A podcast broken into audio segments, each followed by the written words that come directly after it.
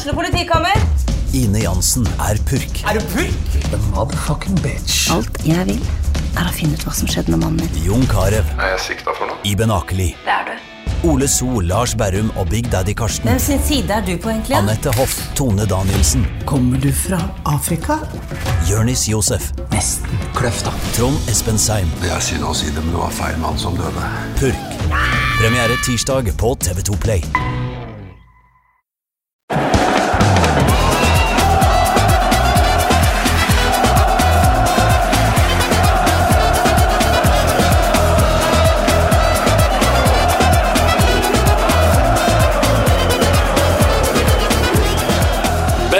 Benvenuti til en ny episode av Pyro og Pivo. Du har allerede ved å lese tittelen og å høre det første ordet jeg sa i dag, eh, skjønt hvor vi skal.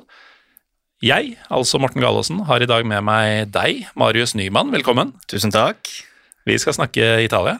Vi skal ha det. Eh, kanskje litt mer, jeg vet ikke. Ja, ja det kan fort eh, Altså, den røde tråden skal være Italia, Ja, og så får vi se hvor det bærer. Eh, Men det å snakke Italia eh, med mikrofon eller kamera eller begge deler, det er ikke noe nytt for deg. Nei, jeg har jo fått meg litt erfaring eh, sånn tilfeldig, egentlig. Både gjennom Avanti på, på fotball-TV. Jeg har også program på fotball-TV. Du har det, Ja, ikke sant? Vi var jo på julebord i lag, det var vi. så uh, Var det første gang vi møttes? Mener du det? Jeg tror det. Jeg tror jeg ville huske han har møtt deg tidligere. Ja, det er sant. Og så eh, podkasten Tutto, da, som også Mm. omhandler italiensk fotball. Ja, og Avanti på fotball-TV er jo da fotball-TVs eh, program om italiensk fotball. Ja. Med deg og Trygve Rød. Yes, Og podkasten Tutto er også med deg og Trygve Rød. stemmer det. Ja. Eh, tidligere, vi, vi tok jo over for, for Even Bråstad støvelball, men så har man jo gjort det til, til sitt eget, da. Eh, for det var jo han som, som starta det. Og, Mm. ja, Ja, for Tutto er egentlig en videreføring av Støvelball. ja, egentlig. I, eh, ja, med én ny programleder og, og nytt navn. Ja, egentlig. Men eh, er det Altså, Støvelball har jo jeg referert til flere ganger. Even har jo vært gjest på Pyro Pivo. Mm. Er det andre nyvinninger enn navneendring som har funnet sted? Jeg veit at du er jo og det kan godt hende Even var også, men du er jo interessert i veldig mange sider av Italia, Uh, utenom fotballen også. Ja. Uh, nei, altså, det er jo egentlig samme, samme inn, innpakning av forskjellige navn, men kanskje føle et litt mer eierskap til det, at det ikke bare er noe man har, har arva, skulle jeg til å si. Det er kanskje for en egoistisk eh, min egen del, jeg vet ikke. Men det, det er italiensk fotball det går i, uh, og litt utenomsportslig selvfølgelig, som det alltid er i Italia. Ja, og det er jo kanskje noe av det som gjør at jeg blir stadig mer glad i italiensk fotball, er jo at det utenomsportslige og det kulturelle i Italia rundt, og det politiske Italia rundt og sånn, det har så mye med saken å gjøre. Ja. det, det er ikke bare spillet på matta. Nei, altså, det, det er nesten sekundært. Eh, I hvert fall nå til dags, når vi ser på, på ståa i Italia, så, så er det jo dessverre Eller ja, spørs hvordan du ser andre ting som får eh, overskrifter. Ja, vi skal jo um, Vi kan jo si for lytterne at uh, overskriftene vi i utgangspunktet har tenkt å jobbe med i dag, det er uh, Juventus, hva faen skjedde? Ja. Uh, Atalanta, er de tilbake som det Atalanta alle ble forelska i for tre år siden? Og Napoli, altså skjer det endelig? ja. Men vi kommer til å røre godt i gryta ellers også. Men du er jo da åpenbart Italia-frelst, både fotballmessig og ikke. Uh, hvordan ble du det? Nei, det er jo eh, livet er fullt av tilfeldigheter. Eh, det starta jo med at man fikk en Juventus-trøye da man var liten. Første drakten man fikk, eh, Del Piero. Eh, da er det jo kort vei inn der. Eh, var Boeing-medlem. De som husker den, var det Boeing der? Ja, det var Det det. Boeing. Ja. Og så bytta det navn vel etter hvert til Ja, da tror jeg jeg falt av. Ja, men, eh, da, da var jeg blitt gammel for lenge siden, men eh, jeg tror faktisk så tidlig som det er enten episode Nei, ikke tre, men episode fem eller seks, kanskje, av Pyro og Pivo. Nå er vi på 257 eller noe sånt. Så for ca. 250 episoder siden, og seks og et halvt år nesten, så var um, skaperne av serien Sleivdal De var gjester her på Pyro tror og jeg har hørt den episoden. Da, det er lenge siden. Ja. Da var du ung. Da, ja, 21. Ja, Ja, det er vel ungt, det. Verden for dine føtter. Ja. Jeg var jo blasert allerede da. Men eh, da var jo de her, og da ble det en del Boeing-prat. Jeg tror kanskje ikke det har vært nevnt, altså at Boeing har vært nevnt i en Pyro Pivo-episode siden. Og nå nå drar vi det opp igjen. Ja. eh, Og ja, jeg fikk jo plakater i de Boeing-bladene med, Nedved og Zlatan og Maldini var vel også på veggen Mm. en stund.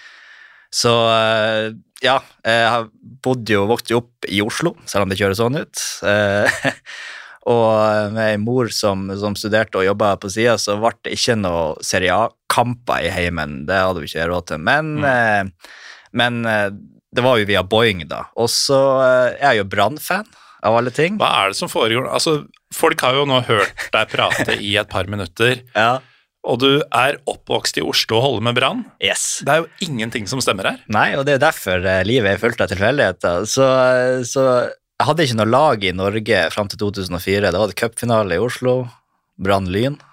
Eh, Brann-supporterne ja, de, de herja jo med Lyn-supporterne, si det sånn, i bybildet. Eh, ble rimelig betatt av eh, de. Eh, begynte å heie på Brann. Det er jo kanskje Jeg begynner å ane en eh, no pun intended rød tråd her. ja. Fordi eh, hvis du skulle tatt ett eh, Ja, nå er det jo eliteserielag igjen. Ja, og tenkt sånn Ta hele eliteserietabellen som den ser ut nå, med null kamper, de lagene som skal spille i 2023, og plukke ut én klubb som du føler er mest italiensk. Til tross for uh, mer britisk tribunekultur, så er det jo Brann som er den italienske klubben i norsk fotball. Det er jo det. Det er jo galskap og Republikken Bergen og rive seg ut av Norge og ene og det andre. Så ja, eh, jeg følger den. Og eh, ja, med Brann så fulgte Erik Huseklepp, eh, mitt største fotballidol i ungdommen. Og så dro han til Bari i 2011, og da begynner, Da er jeg jo såpass skulle jeg begynner å gå på videregående, og, og, og da eh, Mm. tenkte jeg nå må jeg jo virkelig begynne å se Internett begynner å bli, bli en greie Ja. som folk har, og sånn, så du kan faktisk følge med litt. Atte.net husker jeg kunne se en shady streams fra, fra Serie A, og Mm. Eh, da begynte virkelig eh, interessen med Husklepp. Nå varte ikke det eventyret så veldig lenge. Nei, jeg tror ganske mange har glemt at Huseklepp var Italia-proff, og i hvert fall at det var Bari som var klubben. Ja. Så, eh, og Brann kredittsjekka jo selvfølgelig ikke Bari, og de fikk vel pengene til slutt via Porsmouth, og den ene og det andre kjøpte han jo tilbake. Men ja. Og tida gikk, og så møtte jeg jo Trygve på, på videregående, og han Trygve Rød. Yes, han var jo da virkelig Italia-frelst og Juventus-supporter på den tida, skal jeg si. Og eh, da har det egentlig bare blitt Italia, sakte, men sikkert mer og mer. Og hvordan i alle dager man kommer seg inn i, i den podverden og mediebransjen, nei, det har ikke jeg peiling på. Jeg ble spurt om å være med for et år siden, og et og et halvt år siden, og ja. Ja, du hadde jo da en kompis eh, med felles interesser, som du sikkert så mye kamper med og diskuterte mye fotball med og sånn, som Ja. hadde en pod og plutselig et ledig sete i poden. ja. Og da, der, der har jeg forklart den for deg. ja, og da sitter vi her. Ja. Uh, lite ante du at det skulle føre til telefoner fra om det var Alexander Schou eller hvem det var. Ja, nei, det, Gidder du å lage noe TV for oss? Altså, det, sånn er livet. Det, Ja.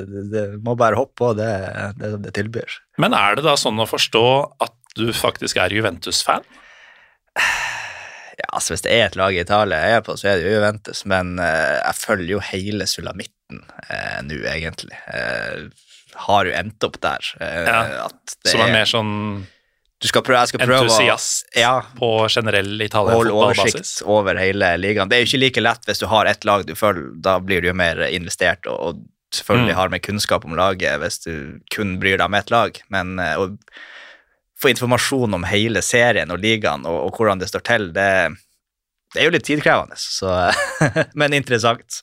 Jeg har jo et uh, lite paradoks her. Altså, vi skal snakke litt om Juventus uh, stort sett på vondt, egentlig, i dag. Ja, det, dessverre så er det jo det. Uh, og et par andre klubber på godt. Men for min del, da, jeg fulgte deg litt fordi du sa at du fikk denne Juventus-drakta med Del Piero på ryggen. Mm.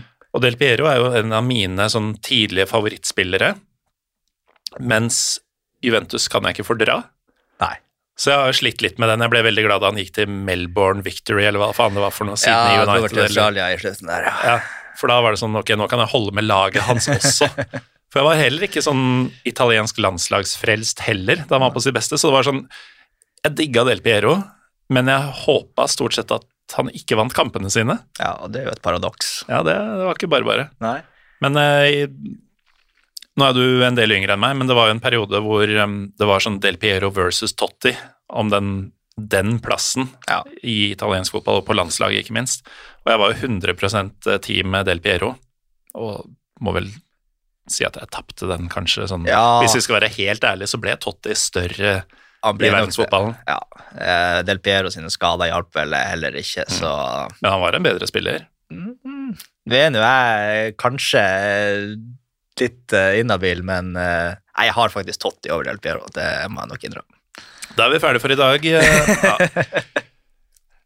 Men ja, ok, så jeg var faktisk Det kan godt hende du sa det på fotball-TV-julebordet, Ja. uh, men av holdt på å si åpenbare årsaker, så jeg, husker ikke jeg at uh, podkasten Tutto og TV-programmet Avanti drives av to Juventus-fans.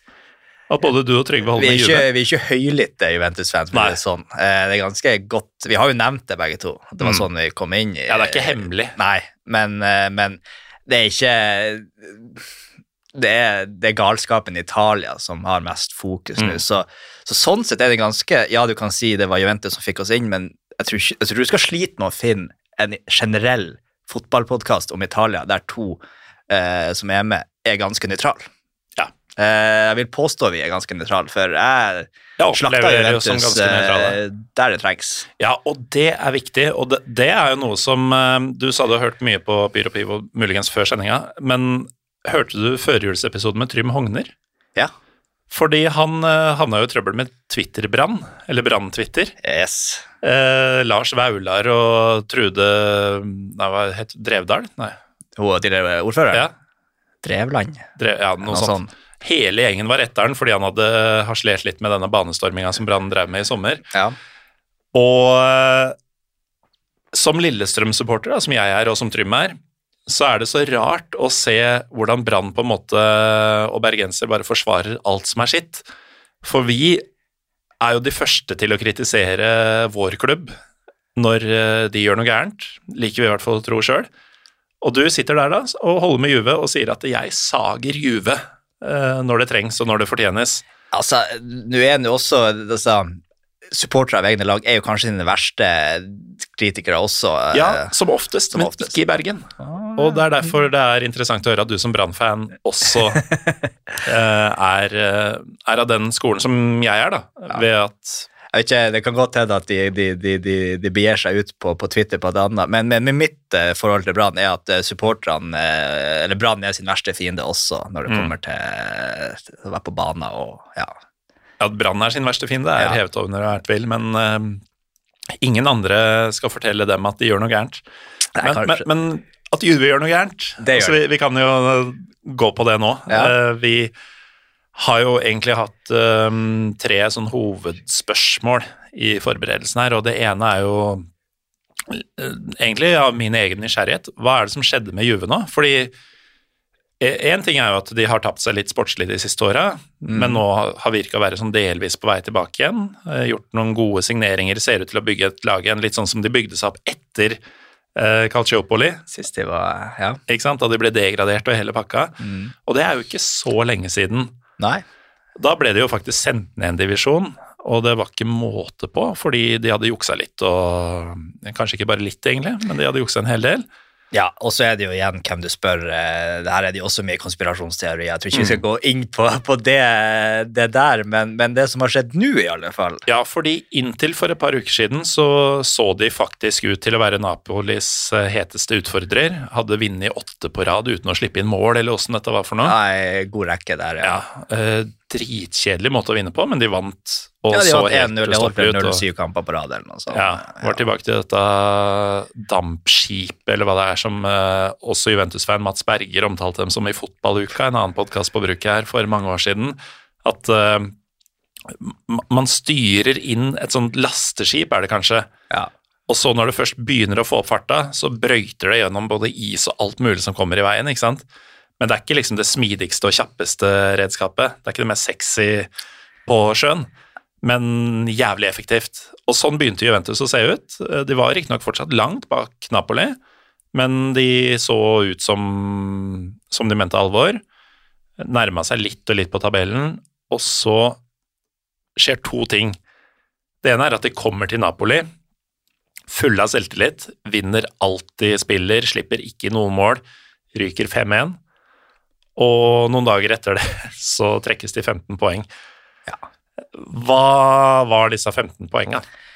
Ja, eh, jeg skulle bare si at jeg er regnskapsfører og ikke jurist. Eh, og jeg kan lite om rettsvesenet i Norge, og kan enda mindre om rettsvesenet i eh, Italia. Men det kan også italienske jurister veldig lite om, tror jeg. Ja, så, så bare så det er sagt. Men hovedpoengene her er jo at Juventus har jo For det første er de børsnotert, Mm. ikke sant? Og da eh, må man sende inn offentlig regnskap og alt det her, og det som medfører eh, det. Og når du jukser med regnskapet da, eh, og altså pumper opp prisene på, eller fra, altså spilleprisene, så, og regnskapet blir feil, så får jo det en konsekvens eh, rent eh, selskapsmessig. Og så eh, er det jo nå at eh, de er blitt trukket 15 poeng. Det er jo eh, eh, altså aktoratet i Torino som har gått etter dem der. Eh, fordi de har eh, ja, solgt Primavera-spillere og, og spillere generelt. Har de, de påstått at Juventus har pumpa opp prisen 10 mil, for eksempel, for en som er verdt 1 million. Og så får de da en plussvalenza, som er et begrep som har blitt vanlig i Italia nå, der de får en gevinst regnskapsmessig på en spiller, og så, som gjør at de skal klare å holde seg innenfor FFP, da, Financial Fair Mm. Play. Og nå har jo da italienske myndigheter eh, gitt dem eh, Eller ikke italienske myndigheter, men de har eh, fått 15 minuspoeng. Og eh, selvfølgelig er Juventus uenig i dette, så nå skal de da anke til italienske olympiske komiteen. Og de kan ikke gjøre noe med saken, men de kan bare se på prosessen, om Mm. den er gjort riktig. Så det er jo det Juventus har en måned nå cirka på å forberede seg da på, på det. Men to spørsmål melder seg jo. Det ene er hvorfor til den italienske olympiske komiteen, og ikke Det- til f.eks. Høyesterett? Det er, for det er sportslig, det her. Okay. Den, min, den fem, poengstraffen er sportslig, og så har de en, en rettslig prosess også som ikke er eh, avklart. Ok, så det den er både også. eh, kriminalitet, eh, altså økonomisk og sportslig, to Mm. forskjellige. Eh, og i tillegg så har jo ikke Uefa eh, begynt å etterforske eh, noe heller. Nei. Det kan jo også fort komme. Mm. Eh, det Men så, så den italienske olympiske komiteen ser utelukkende på det sportslige aspektet, i det? Og poengstraffen om prosessen Ja. er gjort men- riktig. Men de kan ikke endre noe på det? Nei. De kan Så- enten sende det i retur og si at prosessen er feil, gjøre det på nytt, eller ja Kan ikke jeg alle skulle si Det høres jo egentlig ut som litt unødvendig arbeid. Ja, og så er jo også spørsmålet igjen om eh, Hvis det da ikke går der, så kan de da anke den internasjonale voldgiftsretten i Lausanne. Ja. Eh, CAS, Ja, det er vel kanskje det det. Det var da Johaug var, i alle fall, og, og gråt. Ja. Ja. Eh, Jeg holder jo med Fenerbahçe i Tyrkia, og er ikke ukjent med å måtte gå til eh, kass for diverse greier. Fener har jo blitt kasta ut av Europa opptil flere ganger og sånn. Det pleier ikke å endre noe å gå til dem, bare så du vet det. Nei, og så er jo liksom Det interessante her er jo også at Juventus har juksa med regnskapet. Én ting er jo altså, De, de har nå kommet fram til at de har bevist at Juventus har blåst opp spillerverdier. Det er nå én ting. Men så har jo Juventus også eh, under covid da sagt at spillere har frasatt, eh, frasagt seg lønninger. Og så har de da betalt dem litt her og der på sida og under bordet. Og den er jo ennå ikke noe avgjørelse i. Nei, Så de kan jo få ennå en poengstraff her. ok. Ja. Så, eh, og den er jo mer klink i min bok, eh, de bevisene med lønn, for det, det har de fast bevis på at det er gjort. Mens spillerverdier er litt mer vanskelig. Altså, Pjanic var han verdt 60-70 millioner. Var, altså, det, nå gikk en Hvem Vuka 70 bestemmer det, på en nå måte? gikk en Vuka for 70 millioner, altså hvem kan si at han var verdt det? Altså, Mm. Det er litt mer eh, vanskelig og, og håndfast, mens lønningen er ganske klink, at de har eh, underslunta regnskapet i alle fall. Så det ikke-håndfaste har de i hvert fall foreløpig blitt trekket 15 poeng for. Mm, og det spesielle der var jo at aktoratet ba om minus 9, men dommeren ga dem minus 15. Så, eh, så Juventus mener jo at prosessen og at det, er altfor strengt. Det står ikke i stil med, med forseelsen, og så får vi nå se. Det her blir jo fortløpende oppdatert, så det, Mm. det som er aktuelt i dag, er ikke sikkert aktuelt i morgen. Nei. Men det, altså de 15 poengene er jo egentlig ikke så viktige på mange måter, fordi uavhengig av de 15 poengene, så det ville de vel vært noe sånn som 12 poeng unna gullet nå uansett. Det er jo selvfølgelig snakk om topp fire og Champions League-plass og sånn, da. Det er jo viktige penger for Juventus, men det som er også hvis de får 15 minuspoeng til, så begynner de å bli farlig nært nedrykk. ja. ja, for det er ikke så jævlig langt. Altså, da snakker vi 30 poeng. Det er, eh, det er ti seire på en sesong. Ja, eh, så eh, Det skal jeg jo se at det blir å skje, men eh, Men jeg tenker jo i utgangspunktet, og dette er egentlig ikke min tanke, jeg så noen på Twitter skrive det, husker ikke hvem, men jeg var bare helt enig at eh, skal dette være en skikkelig straff, så burde man jo egentlig venta til sesongen var ferdig, og så håndheve det med minus 15 fra start neste sesong. mm, For da ødelegger du jo virkelig sesongen. På Da, da veit du jo egentlig før du starter at i beste fall, med en sånn fantastisk sånn skudetto-sesong, så får vi den fjerdeplassen og får spilt eh, Champions League neste år, men det er det absolutt beste vi kan drømme om, og spillere vi skal prøve å signe i sommervinduet og sånn, vil også vite det, at vi er i en vanskelig posisjon, at det sannsynligvis ikke kommer til å gå og sånn. Um, og at det, det på en måte ville kanskje lært dem en større lekse. Men når man snakker om Juventus og det å lære lekser altså Jeg nevnte jo Cal Calciopoli, eller hvordan man uttaler det. Det er jo Er det sånn type 2006-2007? vi er i 2006. Ja, Ja, ikke sant. Før det. Ja. Eh, folk får nesten bare google det, vi kan ikke gå i detalj på det, men de ble jo faktisk flytta ned en divisjon. Det Og starta med minuspoeng. ja, ikke sant? Og det er um, ca. 15 år siden, litt mer. Det er ikke så lenge siden sist de ble virkelig tatt for noe faenskap, men de fortsetter på en måte å øh, tweake reglene, da, i beste fall. Ja, skal, skal jeg prøve å forsvare Juventus her, da, men, eh, men, eh, men det er jo vanskelig. Men la oss nå si det sånn at Napoli, myndighetene i Napoli nå, har også tatt oss bort om seks måneder ekstra for å ut, etterforske Åsimen-overgangen fra Mm. Lill. Så vi kan jo få en case her der Napoli vinner sitt første Scudetto siden 89-90, var det vel sist de vant. Og så blir de fratatt det med poengstraff, f.eks. Mm. Eh, da ville ikke jeg bodd i Napoli, jeg ville ikke vært han som tok ut tiltale. Jeg ville Eh, blir ikke en byen å stå. Eh, dødsfall vil, eh, vil skje hvis det blir å, å skje.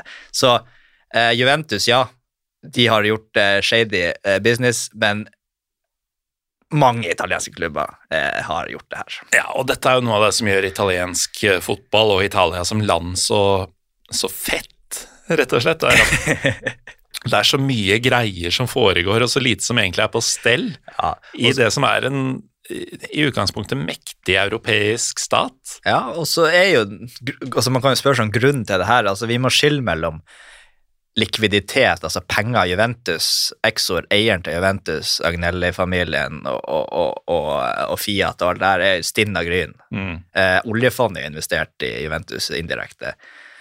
Og penger Det norske har, oljefondet. Norske oljefondet, ja. Eier 2 av Exor eller noe sånt som eier Juventus igjen. Eh, men regnskapsmessig så må Juventus eh, holde seg innenfor FFP, og det eh, klarer de jo ikke.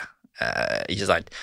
Og derfor må jo de tvike og jukse med regnskapet, og det er jo derfor vi har fått alle de her eh, lån med opsjon, Mm. bla, bla, bla.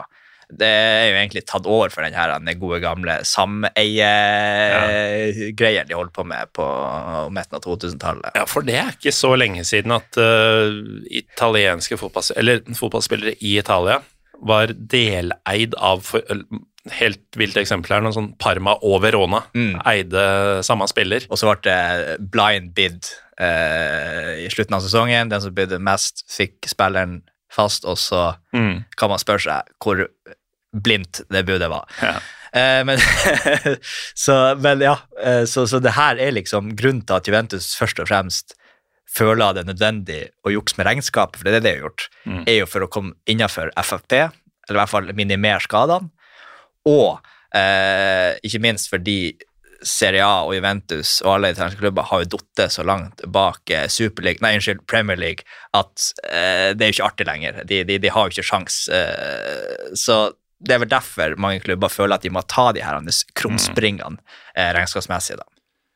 Ja, eh, det kan man jo si i dag, men så veit vi også at de har jo tatt krumspring Nå husker jo ikke du 90-tallet, men da var jo Italia Altså Serie A var jo regna som den beste ligaen. Ja, ja. Og um, Berlusconi var tungt involvert, f.eks. Altså det, det foregikk krumspring også da. Men da hadde jo ikke FFP eller noe sånt, så da kunne de bare skyte inn så mye penger de bare, bare ville. Det er sant. Eh, Så det liksom, nå er ikke de forholdene der da, for, for klubbene som vil kjempe i Europa. Eh, Så Nei, altså jeg sier jo ikke at du ikke skal straffes. Gjør du noe ulovlig, så må du straffes, men igjen, hvis jeg ser fra italienske eh, interesser, så mista du Juventus. Eh, så, så, så mista du store deler. Det er en tredjedel av, av, av interessen i, i Serie A. Mm. Eh, Også internasjonalt. ja, altså de er jo enorme Juventus eh, i, i Serie A, og eh, nå har man jo sett rapporter at eh, Juventus-fan kansellerer abonnementene sine i protest, eh, og det vil jo skade eh, pengeavtalene vesentlig. Nå er jo JP Morgan også involvert her og vil eh, investere i rettighetene fra 2024, så får vi nå se hvor lukrativt det er for deres Juventus er i Serie B. da. Mm. Så det er et større bilde her også, som nok myndigheter, eller leger, da, eh, Serie A, må ha i bakhodet. Men igjen, skal du gå fri når du, når du trikser og jukser? Nei, du må jo få en smekk på fingrene. Og den smekken Juventus har fått på fingra foreløpig, den handler jo da om eh, regnskapsjuks, hvis vi skal si det veldig enkelt. Ja.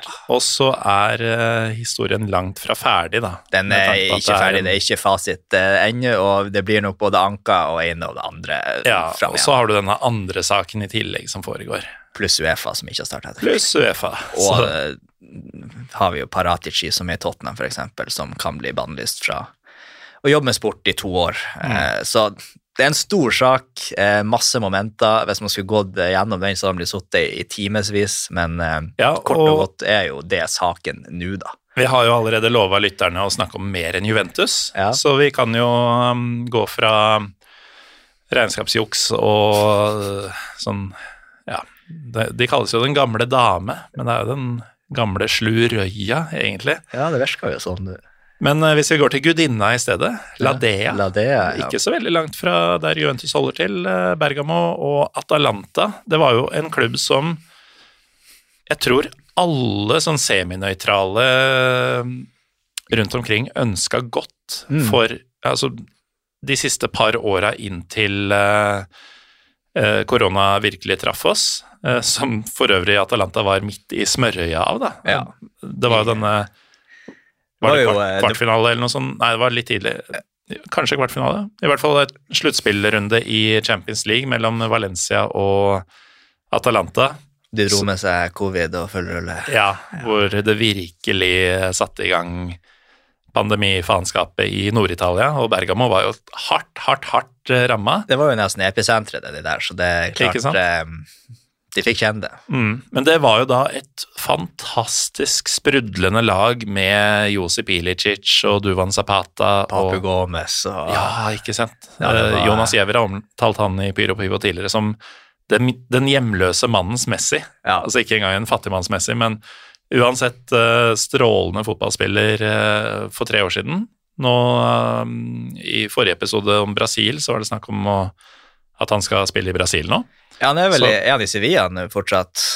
Tror det, Ja. men at han fort drar til til en eller annen brasiliansk klubb. Det kan man finne ut mer om ved å høre forrige ukes episode. Nå Jeg skal vi- ikke uttale meg på, på om han drar til Brasil eller ikke. Nei. Men uh, uansett et strålende lag trent av en, Jasp- Gian Piero Gasperini. en ringrev utenom det vanlige. Ja. Altså, han er så gråhåra og italiensk, men det er liksom liksom ikke vulgær. Ja. Han blir mye utestengt for blasfemi. Det er en greie i Italia. ja. Blasfemi får du eh, utestengelse for. Katolikker er uh, ikke så glad i blasfemi som det kanskje du og jeg er. Jeg elsker blasfemi, men det er en Mm. annen sak. Men eh, han, han er altså så Du hører det på navnet, du ser det på typen, Uh, han banner mye, altså superitaliensk. Mm. Men fotballfilosofien er jo egentlig eh, Altså, det er ikke kjapp scoring og ti mann i forsvar, for å si det pent. Nei. Det er tut og kjør. Nei, altså, du, du sa jo Atalanta tilbake før i starten av sesongen, denne sesongen, så var de jo nesten ikke til å kjenne igjen. I fjor var jo også en dårlig sesong for Atalanta, havna utenfor Europa. Ja, for greia er at dette, dette laget trollbandt eh, masse folk i flere år, og så ble de sånn type nummer tre, fire, fem på tabellen. Altså, de var ikke gode nok til å vinne, men de var Jevnt med Champions League det siste. Ja, og de, de, de, det var så gladfotball. Mm. Og så har det, som du sier, vært et par år nå hvor de har vært litt sånn De har ikke helt sett ut som seg sjøl. Men øh, nå er det tut og kjør på ordentlig igjen. Nå har eh, gutta funnet ut at uh, Ademola Lokman og Jeremy Boga og Rasmus uh, Høylund Høylund. er en troika vi kan satse på på topp. Ja, og og Rasmus Høylund, han er ekte vare. han er ekte vare. Det er ikke noe sånn blaff Uh, Året som før det nye Haaland uh, kom fra, fra østerriksk liga, han også. Og, mm. ja, blond, dansk, nordisk, ja. Men uh, uansett, kraftpakke på topp. Og med Jeremy Boga og Lokman bakom der, så har du en, en dynamisk eh, troika på topp som, uh, som spiller litt mer Atalanta-fotball enn det de gjorde i starten, for da var det Mm. grått. Da var det da, da kan du snakke om hold i nullen, egentlig. var det det så ut som de prøvde på. Mens, mens nå har de kommet seg virkelig. Duvan Zapata, nja. Basalic, nja. Men når du bruker de tre på topp, så, så ser det straks mye bedre ut. Vi fikk jo se Koppa-kampen mot Inter, den tapte jo, og da var det Pasalic og Duvan Zapata som, som starta. Det, det var ikke samme lag, ikke sant? Så, Nei, ikke sant. så det er eh, den litt mer kvikke eh, troikaen på topp som er eh, svaret, virker det som. Og så har de jo en haug med, med wingbacker som er høyrefota, av en eller annen grunn også. Ja, ja det er ikke um, det, det, altså det føles som en evighet siden Robin Gaasen strev og dundra løs på venstresida, bare hamra ballen inn i retning enten Louis Murel eller Zapata. Ja, ja, ja. Nå er det Meldini Joakim Mæhle som, eh, Mm. som har tatt den venstre vingbacken med høyre fot. Ja, og um, Joakim Mæhle, han det, det er en nydelig backtype, men han burde jo spilt på andre sida. Ja, også, men igjen, nå har han jo eh, virkelig fått opp målskåringsteften også, så det ser ut som eh, han finner seg mer og mer til rette. Det, var en grunn til at han fikk tilnavnet Maldini. Eh, det var vel under et EM han eh, tok Mm. virkelig av. Så eh, nå virker han til å være tilbake. Ja, og altså, Atalanta ser ut som det Atalanta-folk så eh, før pandemien, og jeg er jo spesielt overraska over at Hademola Lookman er en del av dette. Det tror jeg ganske mange av de lytterne som eventuelt følger Premier League, men også Mm. de som eh, følger Bundesliga. Han Ja. var jo innom RB Leipzig en periode, og ingen husker det. Nei, nei. Eh, jeg skal jo si, også når jeg så den signeringa, tenkte jeg ok, eh, sikkert stallfull. Eh, men han har jo virkelig tatt, tatt av. Eh, Og du nevnte jo Semen tidligere. Ja. Det er vel Lookman som er bak han på toppskårerlista. Ja. Han uh, skåra tolv mål, hvis jeg ikke tar helt feil. Ja. Ja. Spiller ikke spiss engang. Nei. En slags altså, bakspiss mellomrommet der, fri rolle-variant av han og Boga. Men Ja, det eh, er sånn, er de kantspillere, er de offensive midtbanespillere, er de supporting striker? Eh, de får frie tøyler, jeg egentlig. tror ikke engang Gasperini vet det. Nei, så er det wingbackene som står for, for bredden. Mm. Ja. Og øh, så har du jo en ordentlig sånn kronprins i forsvaret, i øh, Scalvini, ja. Det er Ja. også en uh, ung, spennende spiller som, uh, som virkelig har tatt steg. Og uh, sammen med ringrevene, om det er Toloi eller Palomino, som Mm. har vært ute med doping, da, men nå er han tilbake. Fikk jo en dopingdom. Apropos Italia, Ja, liksom. og så har de også Okoli, da, en ung stopper som også er spennende. Da. Eh, og gode gamle Jim City.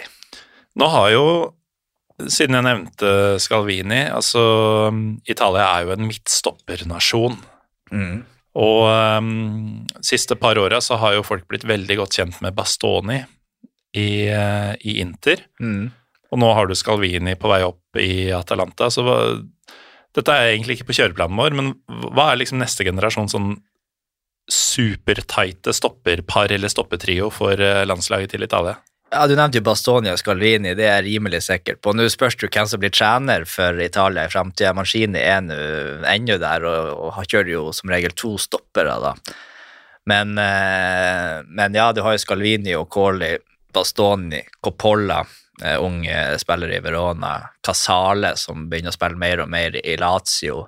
Så vi har noen spennende stoppere Mm. for, for framtida også, eh, nå når gammelgutta Chiellini og Bonucci er for nå- over middagshøyde. Nå begynner det å bli nok av Det det. nok. Nå er det på tide å rydde bordet og få Ja. på en eh, secondi. Ja, rett og slett. Og det, det er da Scalvini, Bastoni og eventuelt en til, hvis man skal snakke en treer, Ja, tenker vi. det tenker vi. Eh, ja, som sagt, vi får nå se hvem som blir sittende ved landslagsroret i framtida. Jeg tror ikke Mancini blir sittende til evig tid.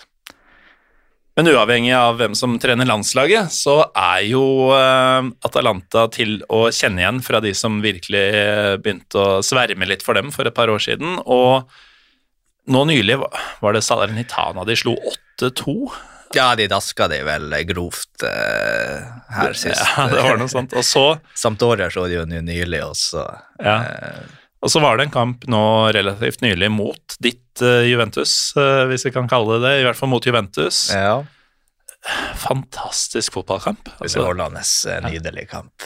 3-3 på holdt på å si Del Alpi, men på um, Juventus stadion, som jeg fortsatt kaller det. Allianz Stadium, eller hva sponsornavnet er. Mm. Av sponsornavn, men uh, ja.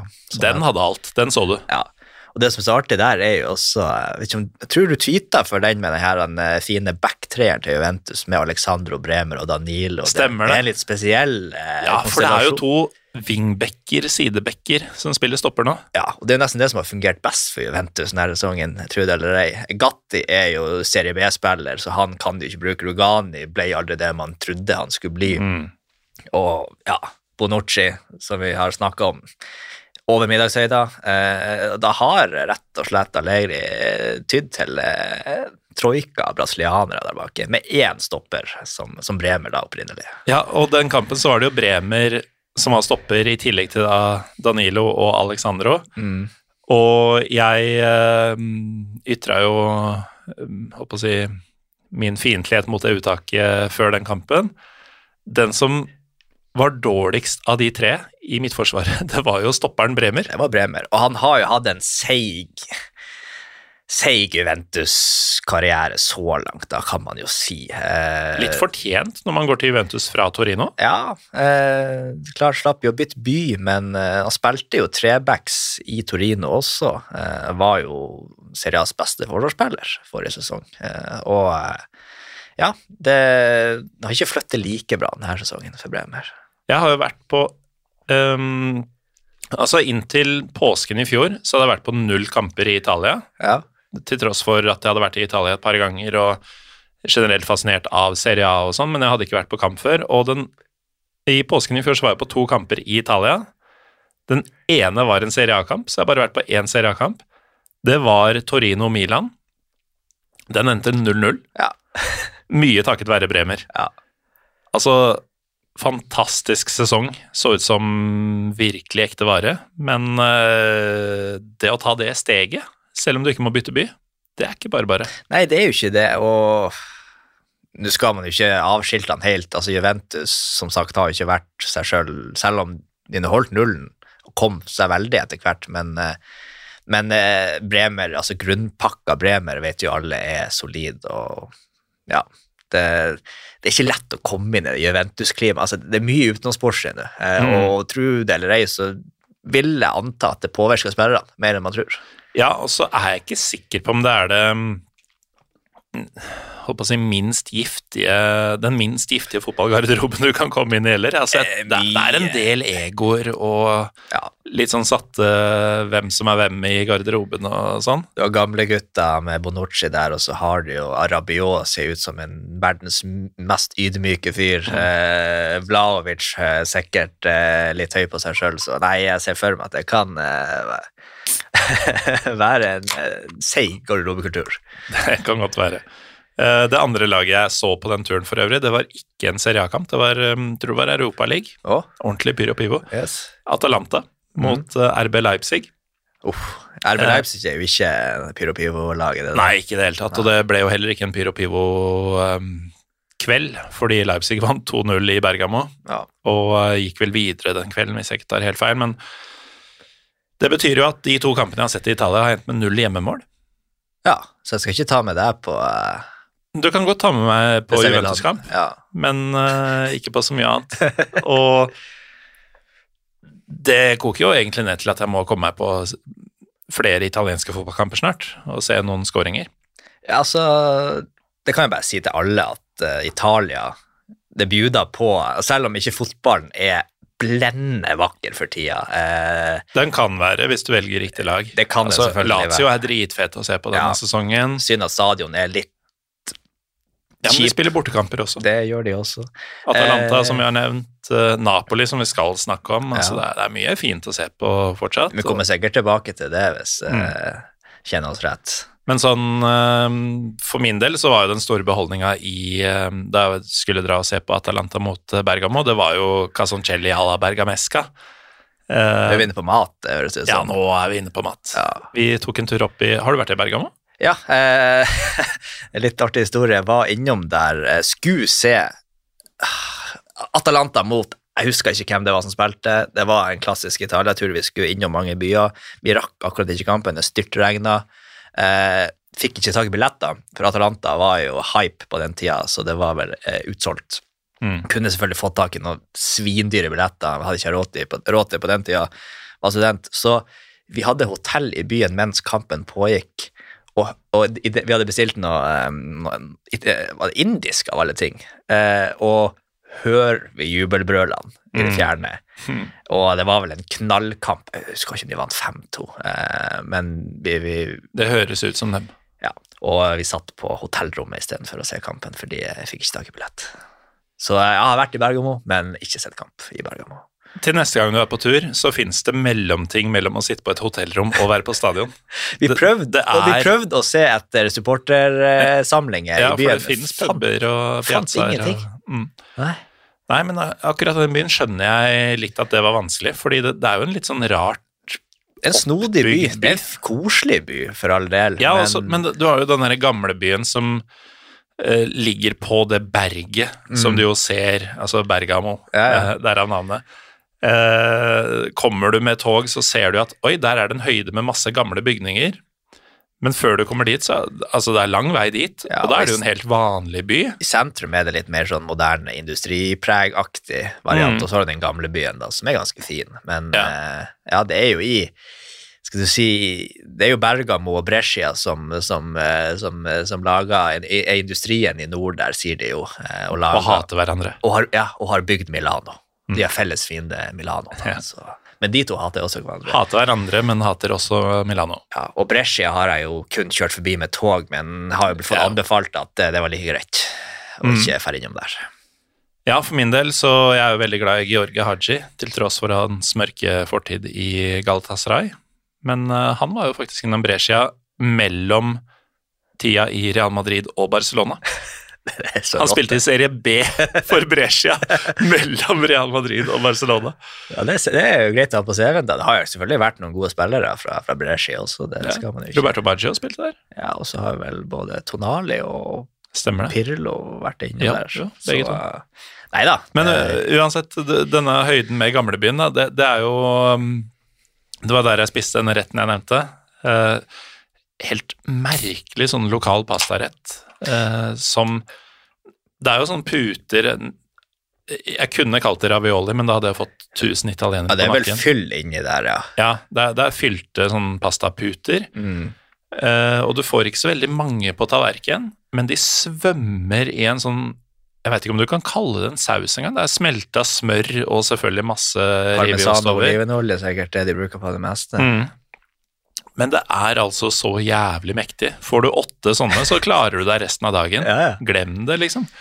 Men Og, alle og vi hadde jo selvfølgelig kjørt en Primo før det, Ja, ja, ja. så det, det var det, det, Vi måtte nesten gå til kampen og ikke bestille taxi, fordi vi måtte jo få, i, få litt energi igjen.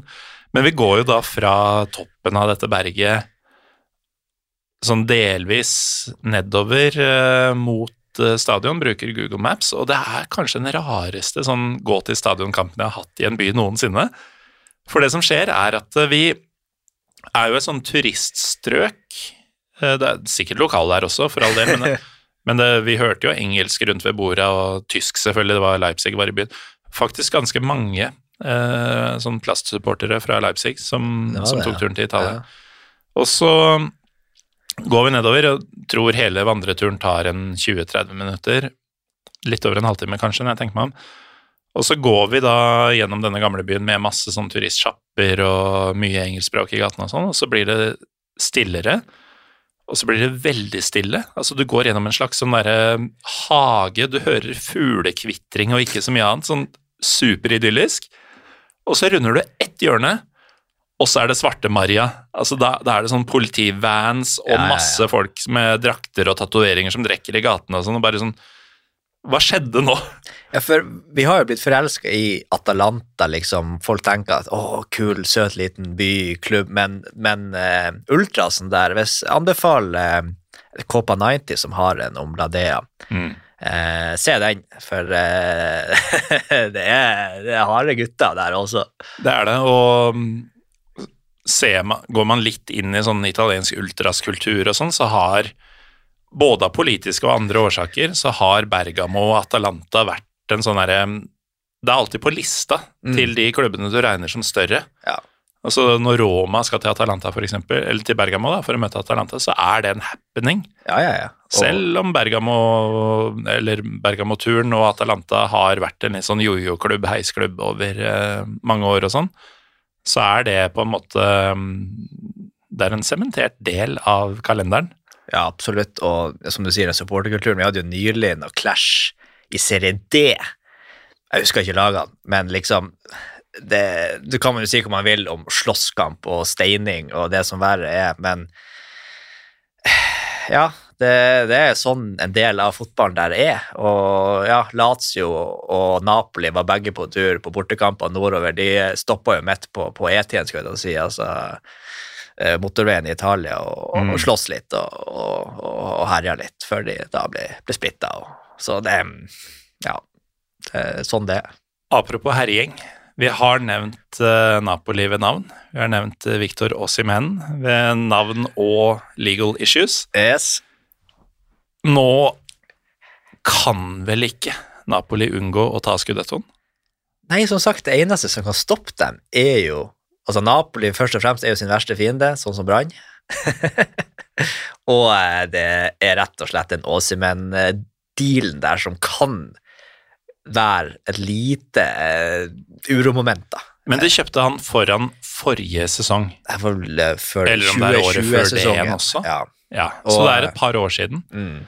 Er det virkelig eh, et scenario at de kan trekkes poengmessig for det nå? Det er jo samme skjedde med Juventus. Det de har uh, altså, etterforska Juventus, er jo også fra 1920-sesongen, Mm. altså tidligere. Så absolutt. Nå er det jo ingenting som er skrevet i stein, men hvis vi går litt inn på den dealen, da, så kjøpte de jo Åsimen for 72 mill. pluss noe add-ons og du vet jeg pakkene her. Virka jo sinnssykt den gang, men Ja. her nå er ser det jo ut til å være verdt det. Men det som er så artig, er jo at de, altså Napoli, i retur sendte de 35 år gamle Karnesis, som var tredjekeeper på den tida, og hadde verdsatt ham til rundt 20 millioner euro, pluss noen noe Primavere-spillere som ikke spiller i, i Lill lenger, for å si det sånn. Jeg vet ikke om de er i Serie C eller noe sånt. For um, utenforstående, hva er en Primavera-spiller? Eh, ungdomslag til italienske klubber. Mm. Så det er liksom Den saken er ikke død, for å si det sånn. Eh, det kan skje noe der. Og jeg nevnte jo at, eh, at de hadde bedt om uh, seks måneder utvidelse av etterforskninga på, Mm. på den saken. Så når den blir klar Det kan jo hende at eh, Napoli tar skudettoen, og så får den noe ettertid. Det, Backlash? ja, Men ser vi kun på det sportslige, da, så ser jeg ingen som kan stoppe det. Ingen. Nei, for nå Altså, Nå er- jeg sikkert inhabil, men det er, det er topp tre lag i verden for øyeblikket. Mm. Ja, da- for de er jo helt sinnssyke. Ja. Eh, det, og det Og, og, de, og de har blitt sinnssyke på en så kul måte, Mm. for det er jo eh, Hvis vi trekker den Åsemenn-saken helt ut av verden, så er det, det er så bærekraftig.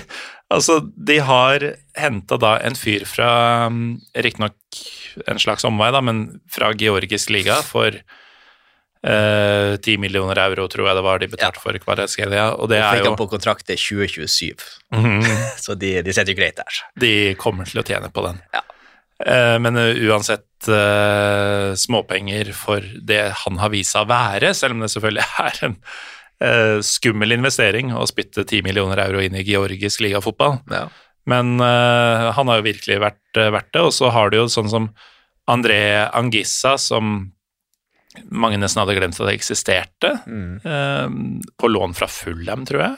Helt Ja, nå er han jo uh, casha ut, skulle jeg til å si. Nå er han det kanskje men, ute, for eh, jeg skulle til å si jo, det er eh, helt sikkert en ob, eh, enten opsjon Han var jo på lån i fjor, og så har de nå Ja. Så André Frank Sambo Angissa, verdens flotteste navn og en fantastisk fotballspiller som Ja, og det hadde vært så synd om han på en måte hadde visna bort i Fulham uten at folk hadde anerkjent det. Altså, de som så den Liverpool-kampen der, eh, der Napoli vaska eh, Liverpool, eh, Mm. så var jo Sambo helt eh, eminent. Og eh, det er en spiller som har det meste, egentlig, når han har dagen. Han er jo det, og det samme er jo Tanguy Ndombele, som var et av de største talentene i verden før han gikk fra Monaco til Tottenham, og igjen da ikke slo helt til der. Han er i hvert fall på lån.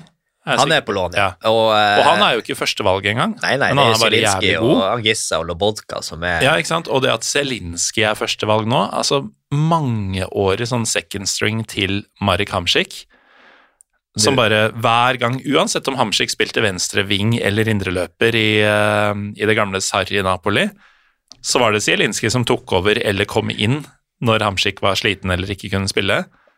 Han er nå nøkkelspiller. Ja, og, og du ser jo at får du tillit og får spill og kommer i det rette systemet altså Zielinski er jo en nydelig fotballspiller, og Mm. Lobodka også, som ble henta og så litt sånn halvlubben ut, så liksom ikke helt hva de hadde henta, og så bare i år har han altså blitt en hybrid av Iniesta og eh, Pirlo og you name it. Altså, det mista ikke ballen, og jeg ser helt fantastisk Han er ikke den største fyren, men Ja, han, er, enorm. han er virkelig ikke største fyren. han er minste på banen omtrent. Og, men, men liksom Og så har du med det at Napoli kvitta seg med hele sentralrekka før sesongen med, med Kolibali, eh, Insigne, Mertens, eh, Fabian Ruiz, som, som en vektig, var en vektig spiller. Altså det, det er gutter som, som, som, som var bærebjelker, og så bare erstatta du det med, som du sier, med Kvica Kvaraskelia fra Dinamo Tiblisi, Eh, Kim Batumi. Kimmy Og Ja, og Kim, altså som sagt, jeg, jeg er Fenerbahçe-fan. ja. Jeg skal ikke si at jeg visste at han kom til å ta seg A med storm, Du kan godt si det her. men uh, jeg kan si at det ikke overrasker meg. Uh, fordi det var en spiller som alle i Tyrkia så med en gang at her har man funnet noe på langt over vår høyde. Ja. Og det er bare flaks at man får ha han på lånt tid inntil de større klubbene finner ut av det.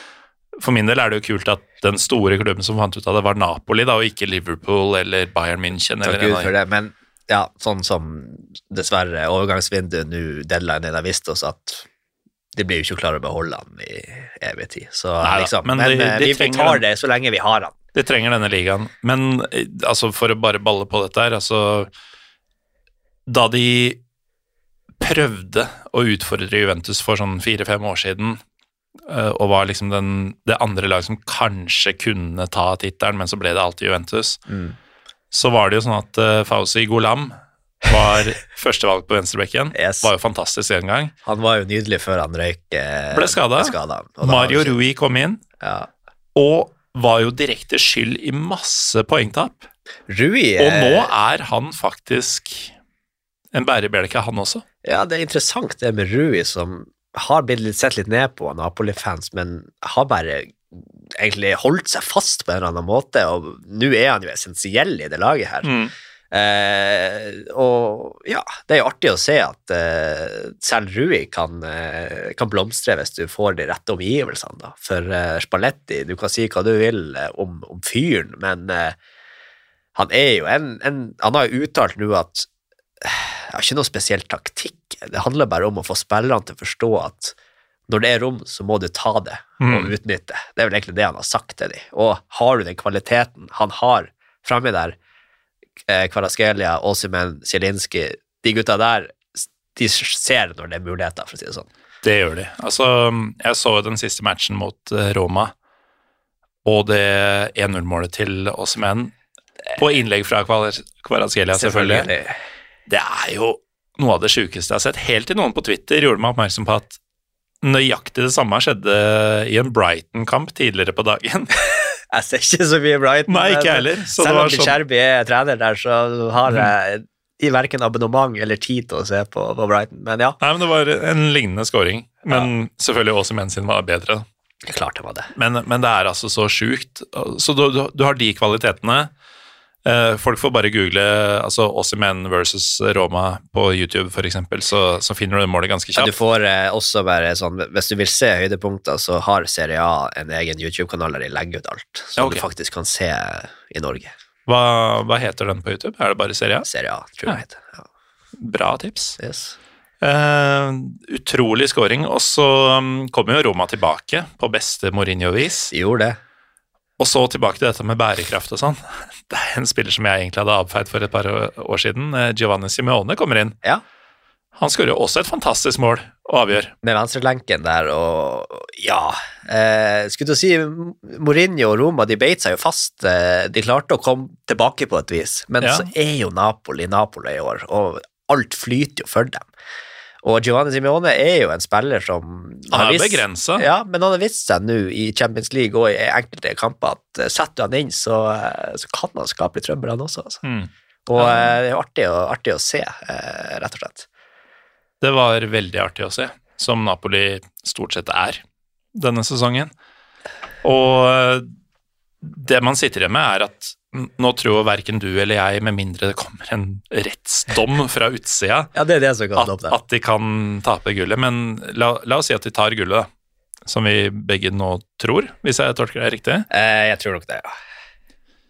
Det vil jo bli det første gullet siden Maradona. Ja. Maradona har daua i mellomtida. Han har det. Eh, stadionen som for alltid skulle hete San Paulo, heter ikke lenger det. Det heter Diego Armando Maradona stadion. Yes. Det er jo et dumt spørsmål. altså Veldig sånn der eh, Hva føler du nå til oppi, opp trynet på en OL-gull? OL-gullvinner, ikke sant? Men hva vil det bety for Napoli? Nei, altså, det Den byen Altså, hvis folk husker eh, fra da du, du nevnte da Napoli og Juventus var hakket i hæl for noen sesonger siden, Mm. eh, da Kolibali stanga inn seieren borte mot Juventus, og de ble tatt imot i Napoli som skudettovinnere. Mm. Og da var det ikke avgjort engang. Nei, det var det på ingen Da var måte. det, det var på flyplassen, det var bluss, og det var, tjo, og det var fyrverkeri, og det var Altså, byen sto jo ikke. Det var en de 'nå kommer Ja. gullet'-sesong. Eller uh, feiring. og da vant de ikke engang. Nei. Og nå, hvis de da faktisk vinner eh, Altså, det folk må huske, er at napolitanere ser på seg sjøl som først og fremst napolitansk før italiensk. Altså, de har et eget språk der nede. Eh, Som ikke er uvanlig i Italia. Nei. Og liksom Det å skal vinne altså Fotball er jo religion der nede. Du, det, det, jeg tror ikke folk kan egentlig fatte når jeg sier det, eh, at det er religion, men det er faktisk det som Altså, det er jo en, en, en, en by med mye fattigdom, med mye kriminalitet. Camorraen har et, et jerngrep Den lokale mafiaen. lokale mafiaen, et finere ord for det. Eh, og klart, det som Og Sør-Italia, ikke minst. Eh, fattigere enn Nord-Italia. Ja, og uglesett Altså, du sitter jo her og sier du er fra Oslo og holder med Brann, men du, du snakker åpenbart eh, nord nordnorsk dialekt. Eh, Kanskje motsatt av, ja. Ja, fordi hvis du tenker sånn Oslofolks arroganse mot Nord-Norge, og ganger det med 84, kanskje, Ja. så har du måten norditalienere ser på søritalienere, og spesielt Napoli. Ja. Jeg veit at uh, en, øh, en kompis av meg, han skulle på bilferie i Italia, skulle leie bil i Italia, og fikk et konkret spørsmål fra utleiefirmaet skal du til Napoli? Altså ikke skal du til sør eller skal du til den regionen, skal du til den byen? ja. For da måtte han ha en annen forsikring. Ja.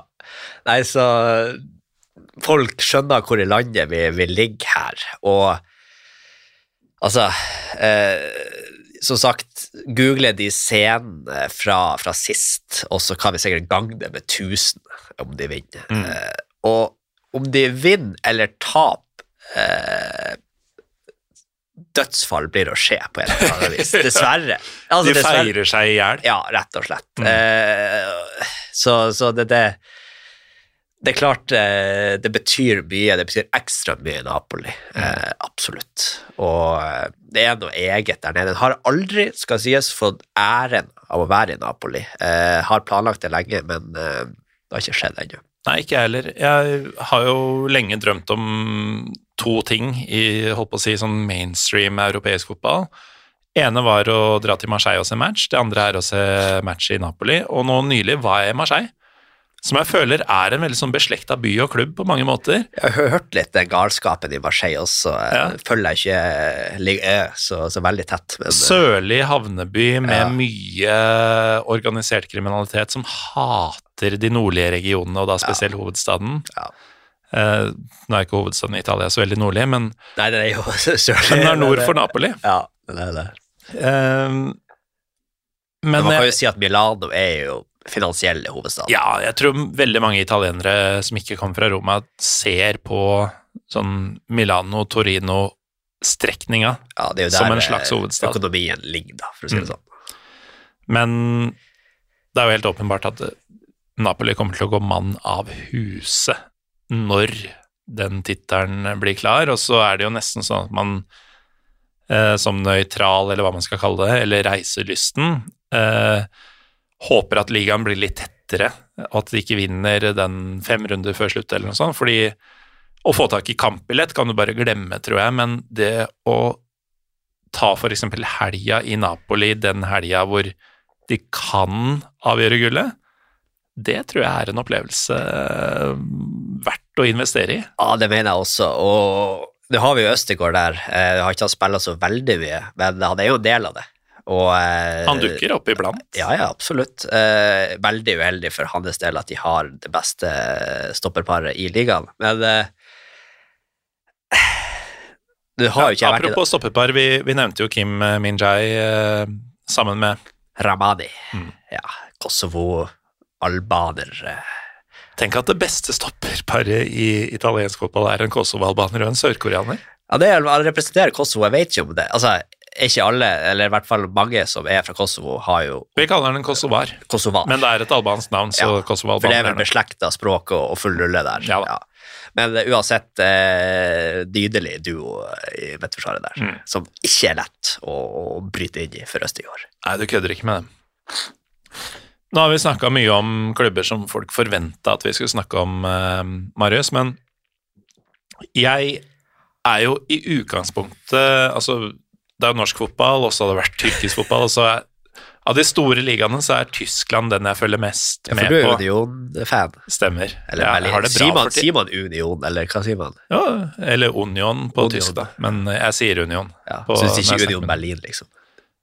Nei, altså, jeg kan si det også. Eh, Men det er lov å si. Det er ikke, det er ikke sånn som i, i Spania, der du sier eh, La Real, eller altså du blir halshugd sånn, hvis du sier Real, eksempel. Eller at du ikke skal si Aset Alkmaar, for eksempel, Ja. men bare Aset, Ja, for fordi A-en står for Ja, ikke sant. Eller eh, mer relevant her, man sier ikke Inter Milan. Nei. Nei. Internasjonale. Mm. Men eh, nei, du, du kan si Altså, klubbens navn er FC Union Berlin, Ja. så det er ikke noe feil med å si Union Berlin. Nei. Eh, det er derimot noe feil med å si Hertha Berlin, så vidt jeg har skjønt, fordi det er Hertha BSC, Berliner sportsklubb. Ah, Så egentlig så er det Hertha Berliner. Okay. Men det er helt unaturlig å si på tysk, har jeg skjønt. Så, så det å si Hertha Berlin er egentlig litt sånn i grenseland. Uansett, å si Union Berlin er helt greit, og jeg har det bare bra for tida. Ja, det Sånn flyter godt. Ja, det, det flyter altså så absurd godt, men eh, det jeg prøvde å si, var at jeg har eh, lenge hatt et ønske om å sette meg mer inn i italiensk fotball. Ja. Fordi jeg er veldig fascinert og veldig glad i det jeg ser av italiensk fotball, men jeg merker at det, det blir veldig ofte de samme laga jeg ser. Ja. Fordi det er litt sånn derre Først må jo tidspunktet passe. Union spiller ikke, Lillestrøm spiller ikke, hva det nå skal være, men For Lillestrøm kommer alltid først. ja, alltid. Alltid. Men la oss si at det er søndag klokka 15, og du har en fire, fem, seks matcher fra Serie A på lista der, så blir det litt sånn der, jeg ser etter toppkampen, ok, den spilles ikke før seinere. spiller Napoli eller Atalanta, som er dritmorsom å se på? Nei, de spilte i går, og de spilte uh, lunsjkamp. Mm. Og da blir det litt sånn herre hva skal jeg se nå, for da har du en liste med liksom sånn Cremonese, Verona, Spezia Empoli, Monza Og så Udinese, faktisk, som jo har vært gode De hadde god start, nå har de jo dabba, dabba av, da. Ja. Ja, men altså som er litt sånn her innimellom i Europa Ja. og sånn, som, og Absolutt. alltid har vært der. Ja. På en måte klart å bite seg fast etter at det er jo en, en, en, en klubb som har vært i Serie A så lenge jeg kan huske.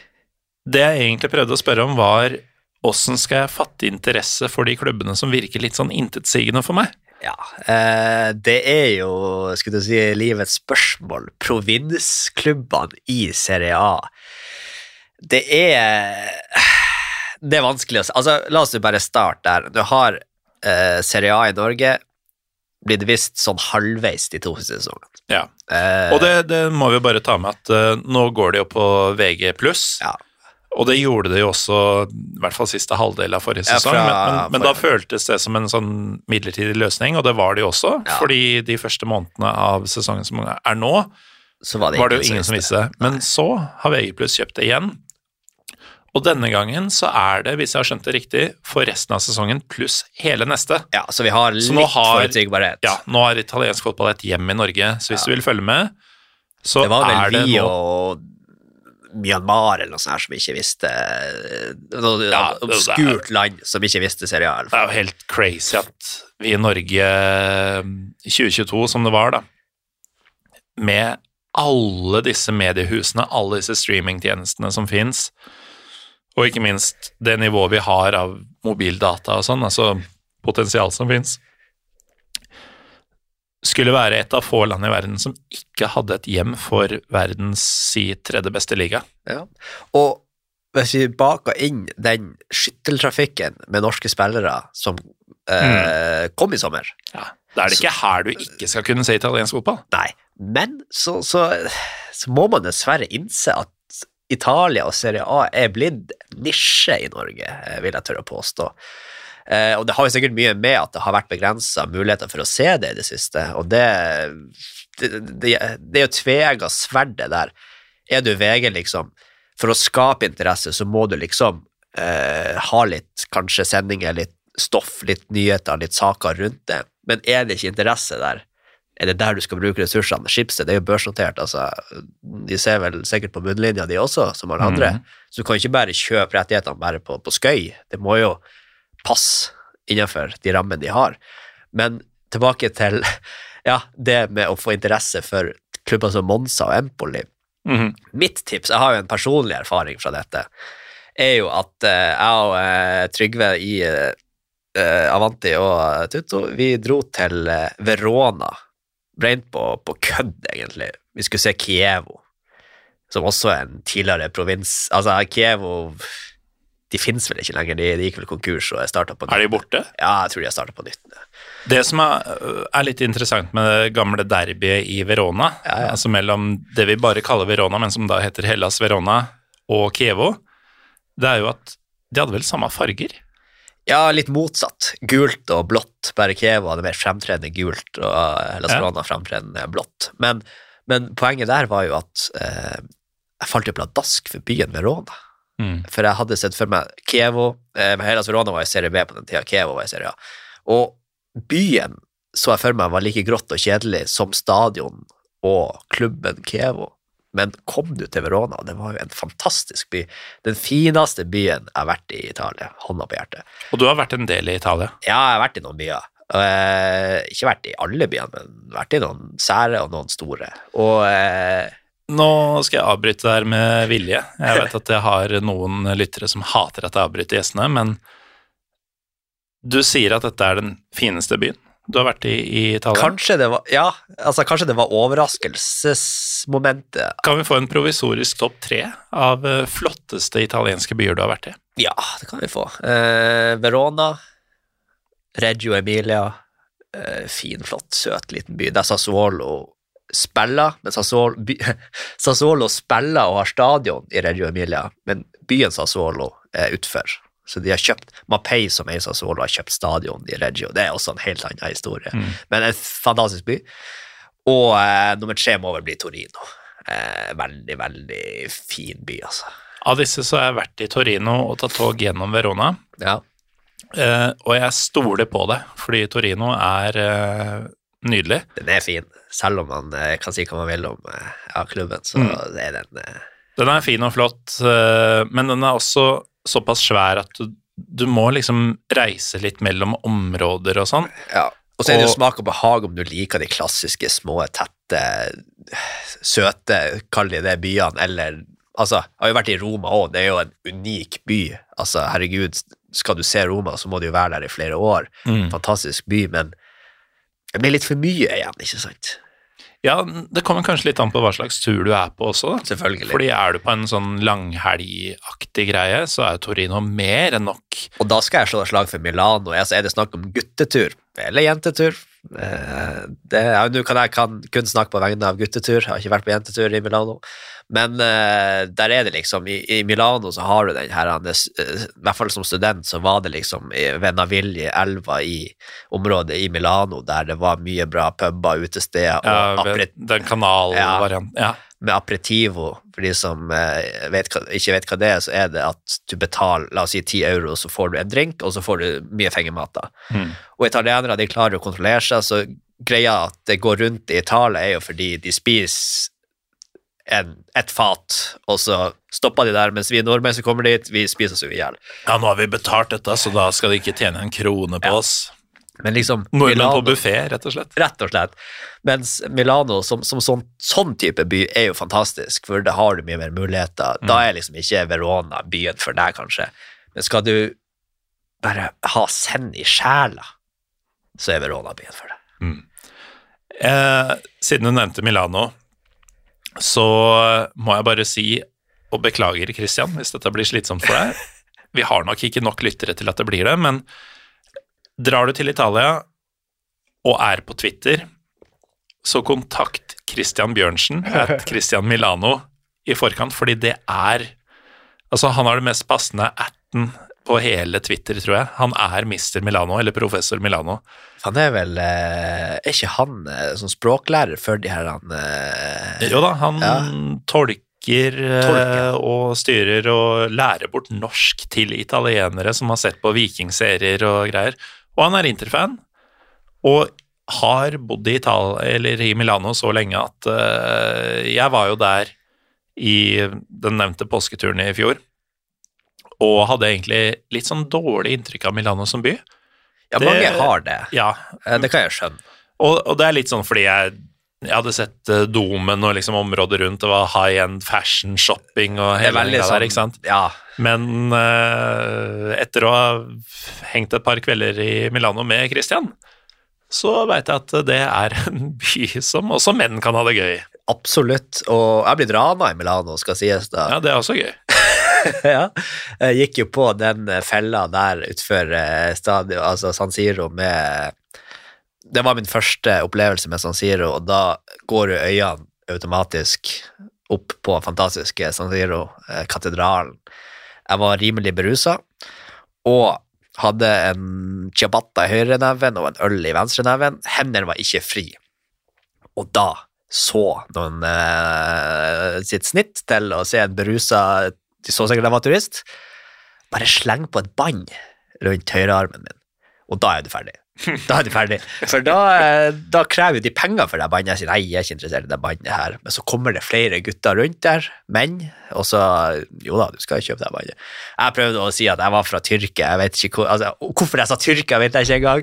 Men jeg, sa Jeg har ikke noe penger. Nei, jeg har ikke noe penger. Jeg tenkte liksom økonomien i Tyrkia er ikke så bra. De, kanskje de er forståelsesfulle for at lirene er svake. Jeg vet ikke. Men eh, nei da. Eh, og når fem voksne menn står rundt deg og sier du vet ikke om de har gunner eller kniv eller noe, vi skal ha 20 euro for det bandet der, så ok, får jeg betalt 20 euro og gå inn på San Siro istedenfor å gå inn på likhuset i Milano.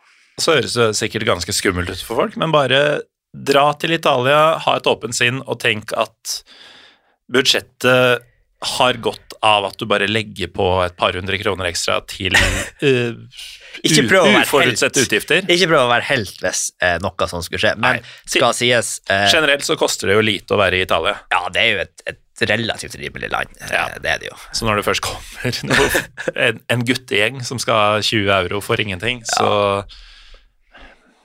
Ja, Det, det, det, er jo litt, litt flaut, men, men igjen, eh, det var nå sånn som skjedde, og nå- snakker jeg med ikke noen på gata. Nå går jeg rett fram og Mm. eh, har lært eh, min lekse. Ja. Det å ikke stoppe opp er jo et generelt reisetips. For jeg stoppa jo opp, liksom bare, Mm. men så ikke vær for berusa heller hvis du ikke er trygg på plassen. Du er jo også et godt tips, da, kanskje. Det er Sånn, også det gjelder jo generelt i verden. I Oslo òg, for så vidt. Et godt tips eh, var også å snakke Italia med deg i dag, eh, Marius. Ja. Eh, takk for at du var med. Tusen takk for at jeg fikk komme. Det er nok ikke siste gang du blir invitert, i hvert fall. Så er det opp til deg hva du gjør med den invitasjonen neste gang. Men eh, strålende at du kunne stille på det som vi må innrømme var ganske kort varsel. Jeg måtte nemlig hive meg litt rundt i. Eh, Flaks, flaks det, ja. ja, jeg sendte en melding for hva blir det, sju timer siden, og her sitter vi og er ferdig med en episode. ja. Så det, sånt er gøy, vet du. Men uh, vi har vært på julebord sammen, så det er klart vi stiller opp. Ja, ja, ja. Støtta, støtta kollegaer. Uh, hvis du vil ha mer av Marius eller italiensk fotball, eller begge deler, så fins da um, podkasten Tutto uh, tilgjengelig overalt. Ja, i hvert fall iTunes og Spotify er de Ja. mest Der du hører dette, kan du også høre Tutto. Ja. Og så er det jo da fotball.tv, eller fotball-TV, hvor dere har, eh, du og Trygve, som du også har Tutto sammen med, har programmet Avanti. Ja. Og eh, ja, det er jo egentlig bare en filmversjon av Podkasten. Egentlig. Litt, Ja. litt grafikk har vi selvfølgelig. Ja, det, det må man jo ha. Ja. Jeg har jo også blitt beskyldt for at mitt program på fotball-TV, Mitropa, er Pyro Pivo med bilde. Så jeg er veldig Var det ikke Trym som sa det? At du, Jo, jo. Ja, Han, han er ikke min største fan, egentlig. nei, egentlig. En av mine beste venner, men også en av mine største fiender. ja, og sånn skal det være. Sånn skal det være. Eh, takk for at eh, du var med, Marius. Takk for eh, at du hørte på, du som hører på. Vi er Pyro Pivopod på Twitter og Instagram, og vi er tilbake neste uke, får vi håpe.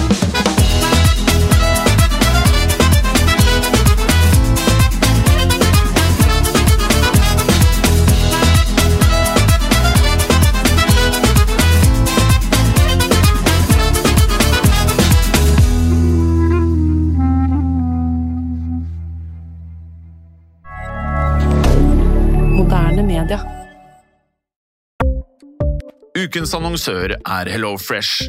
HelloFresh er verdens ledende matkasseleverandør og kan være redningen i en travel hverdag. Mange av oss har nok vandret i butikken både sultne og uten en plan for middagen, som ender med at vi går for de samme kjedelige rettene gang på gang. Middag burde være dagens høydepunkt. Som HelloFresh kan du nå velge mellom 25 ulike retter hver eneste uke, eller få HelloFresh til å sette sammen menyen for deg. Dette gir deg muligheten til å prøve nye og spennende retter alene eller sammen med familien. Du velger antall porsjoner og får alt levert på døren på et tidspunkt som passer for deg. Oppskriftene er enkle, og maten er lett å lage både for store og for små. Ved å få alt levert hjem får du også mer tid til å dele matgleden med familie og venner. Kanskje det frister med asiatiske tacos eller greskinspirert kylling? Da kan jeg anbefale deg om å gå inn på hellofresh.no. Her kan du bruke koden FOTBALL og få opptil 1779 kroner i rabatt på de første fem matkastene hvis du ikke har prøvd HelloFresh tidligere. Du kan også bruke rabatten hvis du har vært kunde og stoppet abonnementet ditt for tolv måneder siden eller lengre. Gå inn på hellofresh.no og bruk koden FOTBALL. Har du et enkeltpersonforetak eller en liten bedrift? Da er du sikkert lei av å høre meg snakke om hvor enkelt det er med kvitteringer og bilag i fiken, så vi eh, gir oss her, vi. Fordi vi liker enkelt. Fiken superenkelt regnskap.